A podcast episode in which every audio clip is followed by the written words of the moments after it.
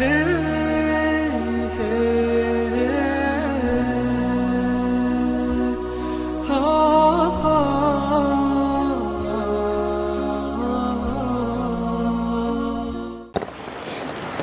الطالبين لله تعالى. الحمد لله رب العالمين والصلاة والسلام على سيد المرسلين سيدنا محمد وعلى آله وصحبه الطيبين الطاهرين وبعد لله تعالى هل تحصل معصية كبيرة من الولي؟ الولي هو المؤمن المستقيم بطاعة الله أي الذي يؤدي الواجبات ويجتنب المحرمات ويكثر من نوافل الطاعات ولو نافلة واحدة فهذا هو الولي الذي قال الله تعالى فيه ألا إن أولياء الله لا خوف عليهم ولا هم يحزنون. الذين آمنوا وكانوا يتقون. لهم البشرى في الحياة الدنيا وفي الآخرة. هذا هو الولي المؤمن المستقيم بطاعة الله. فهذا بعد أن يصير وليا لا ينقلب كافرا لا ينقلب عدوا لله. هذا الولي يجوز أن تحصل منه معصية كبيرة لكن يتوب منها قبل أن يموت. قد تحصل من الولي معصية كبيرة قبل موته بقليل لكن لا يموت إلا وقد تاب كطلحة بن عبيد الله والزبير بن العوام رضي الله عنهما. فإنهما خرجا على أمير المؤمنين علي رضي الله عنه بوقوفهما مع الذين قاتلوه في البصرة. فذكر علي كلا منهما حديثا. أما الزبير فقال له ألم يقل لك رسول الله صلى الله عليه وسلم إنك لتقاتلنه وأنت ظالم له؟ قال نسيت. فذهب منصرفا عن قتاله ثم لحقه في طريقه رجل من جيش علي فقتله. فتاب الزبير بتذكير علي له فلم يمت إلا تائبا. وأما طلحة رضي الله عنه فقال له علي ألم يقل رسول الله صلى الله عليه وسلم من كنت مولاه فعلي مولاه أي من كنت ناصره فعلي ناصره. فذهب منصرفا فضربه مروان بن الحكم فقتله وهو أيضا تاب وندم عند ذكر علي له هذا الحديث. فكل منهما ما مات إلا تائبا وكلا الحديثين صحيح بل الحديث الثاني متواتر والمتواتر هو أعلى درجات الصحيح وهو حجة كالقرآن. ما رواه جمع عن جمع يستحيل عادة تواطؤهم على الكذب. بين إثبات الإمام أبي الحسن الأشعري بعصيان طلحة والزبير وعائشة رضي الله عنهم وماذا قال في مقاتلي علي من أهل وقعة الجمل ومن أهل صفين.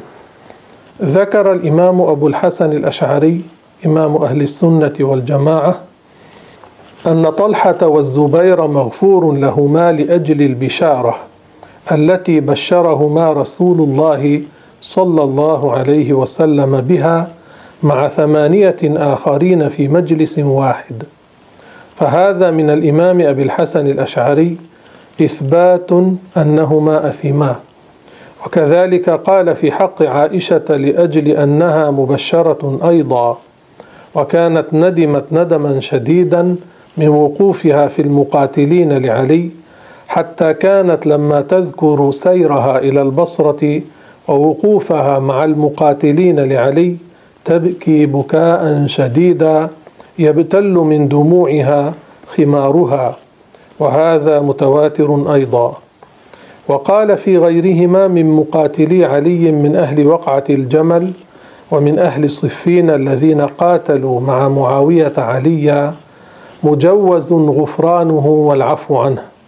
كما نقل ذلك الإمام أبو بكر بن فورك عن أبي الحسن الأشعري في كتابه مجرد مقالات الأشعري.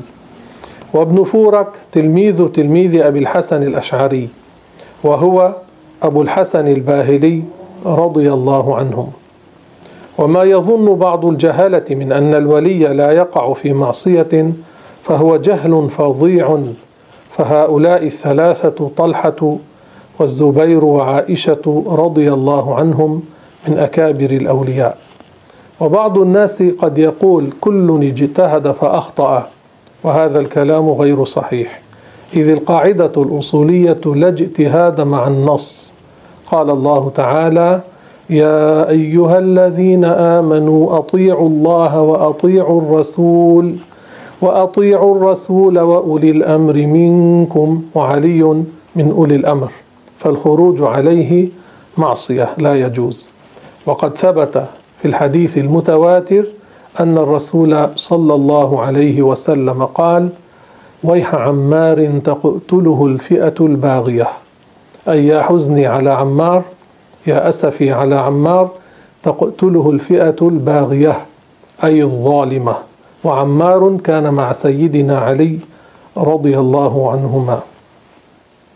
اذكر قول إمام الحرمين الجويني في حكم من نطق بكلمة الردة الصريحة وأنه لا يؤول اللفظ الصريح في الكفر. إذا إنسان تكلم بكلمة صريحة في الكفر لا يؤول له. كالذي يقول والعياذ بالله أخت ربك أو يا ابن الله أو يا بنت الله. فهذا كفر صريح يخرج من الملة سواء قصد هذا الشخص الكفر أو لم يقصد. لأن الله تعالى يقول ما يلفظ من قول إلا لديه رقيب عتيد. قال إمام الحرمين الجويني اتفق الأصوليون على أن من نطق بكلمة الردة أي الكفر وزعم أنه أضمر تورية أي أنه أراد به معنى بعيدا عن المعنى المتبادر من الكلمة كفر ظاهرا وباطنا. وأقرهم على ذلك. أي فلا ينفعه التأويل البعيد ولا يقبل منه كالذي يقول يلعن رسول الله ويقول قصدي برسول الله الصواعق فهذا كفر صريح ولا يقبل منه هذا التأويل. أي أنه أراد معنى بعيدا. اذكر اسم فقيه حنفي عد أشياء كثيرة من ألفاظ الردة للتحذير لأن بعض الناس بسبب جهلهم وبعدهم عن علم الدين إذا سمعوك تحذر من ألفاظ الكفر تقول من قال كذا يكفر من قال كذا يكفر. يقولون لك ما لك ولهذا. وبعض جهالة العوام يقول أنت تذكرنا بألفاظ نحن لا نقولها. التحذير من الكفر بالنص على ألفاظه واجب حتى لا يقع الناس فيه وهم لا يدرون. كثير من الجهلة لا يعرفون أن هذا اللفظ ردة أن هذا اللفظ ردة. فينطقون به ويظنون بأنفسهم أنهم مسلمون وفي الحقيقة هم وقعوا في الردة. عد كثير من الفقهاء كالفقيه الحنفي بدر الرشيد وهو قريب من القرن الثامن الهجري أشياء كثيرة. فينبغي الاطلاع عليها فإن من لم يعرف الشر يقع فيه فليحذر.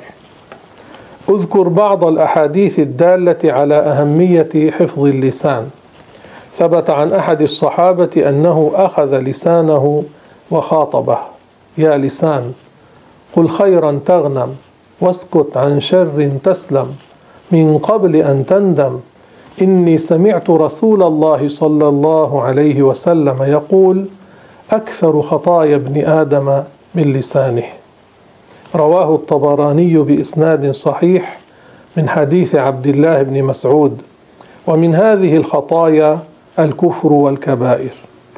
وفي حديث آخر للرسول صلى الله عليه وسلم إن العبد ليتكلم بالكلمة ما يتبين فيها أي لا يرى بها بأسا لا يراها ضارة يهوي بها في النار أبعد مما بين المشرق والمغرب.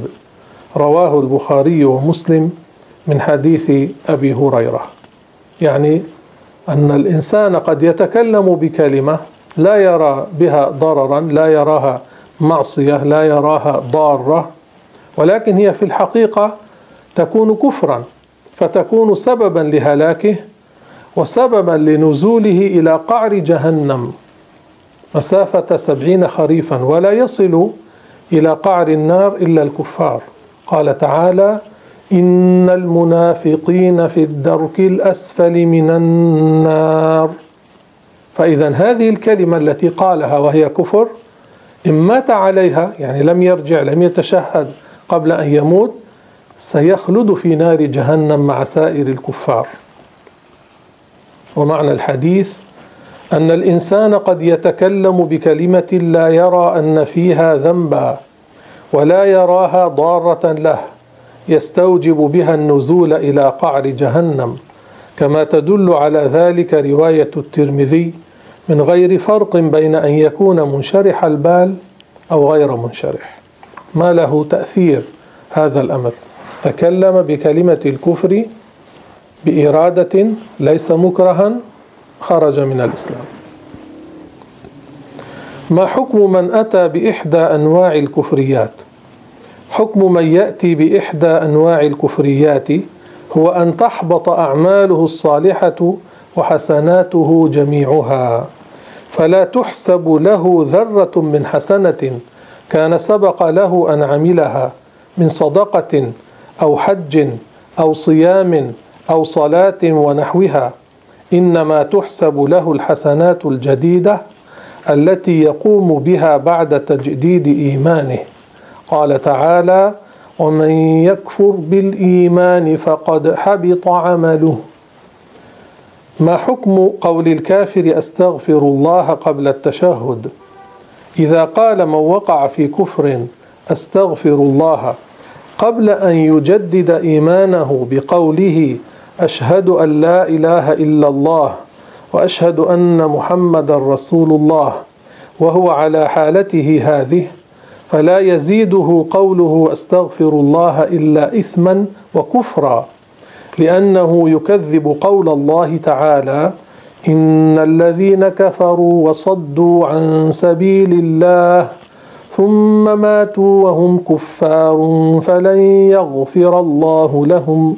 وقوله تعالى إن الذين كفروا وظلموا لم يكن الله ليغفر لهم ولا ليهديهم طريقا إلا طريق جهنم خالدين فيها أبدا.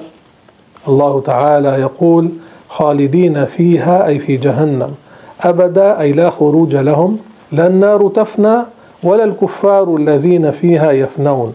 كلما نضجت جلودهم بدلناهم جلودا غيرها ليذوقوا العذاب. الله يقول كلما نضجت جلود الكفار في النار بدلناهم جلودا غيرها ليذوقوا العذاب. فإذا الذي تلفظ بالكفر لا ينفعه أن يقول أستغفر الله لأن كلمة أستغفر الله معناها يا رب اغفر لي والله أخبر أنه لا يغفر للكافر. طالما هو قائم على كفره فكيف يقول يا رب اغفر لي؟ كيف يقول أستغفر الله؟ يكون مكذبا للقرآن. ومن كذب القرآن كفر.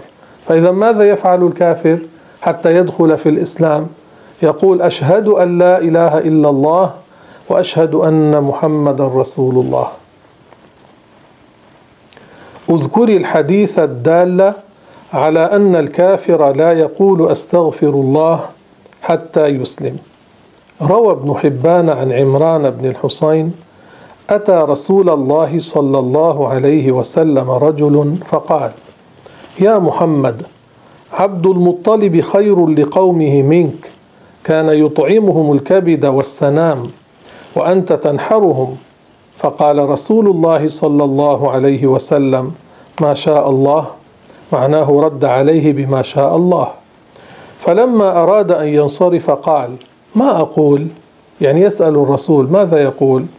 قال الرسول له قل اللهم قني شر نفسي واعزم لي على أرشد أمري. لأن هذا اللفظ يجوز أن يقوله الكافر ويجوز أن يقوله المسلم. ما قال له وهو كافر قل اللهم اغفر لي. فانطلق الرجل ولم يكن أسلم. لذلك قال يا محمد. ثم قال لرسول الله صلى الله عليه وسلم إني أتيتك فقلت علمني فقلت قل اللهم قني شر نفسي واعزم لي على أرشد أمري. فما أقول الآن حين أسلمت؟ يعني دخل في الإسلام. قال قل اللهم قني شر نفسي واعزم لي على أرشد أمري. اللهم اغفر لي ما أسررت وما أعلنت وما عمدت وما أخطأت وما جهلت. هذا دليل. الرسول ما قال له قل اللهم اغفر لي قبل أن يسلم. بعد أن أسلم قال له قل اللهم اغفر لي. معنى ذلك أنه لا يقال لكافر قل اللهم اغفر لي حتى يسلم لأن الله لا يغفر له طالما هو قائم على الكفر. ثم إن مات على الكفر الله لا يغفر له.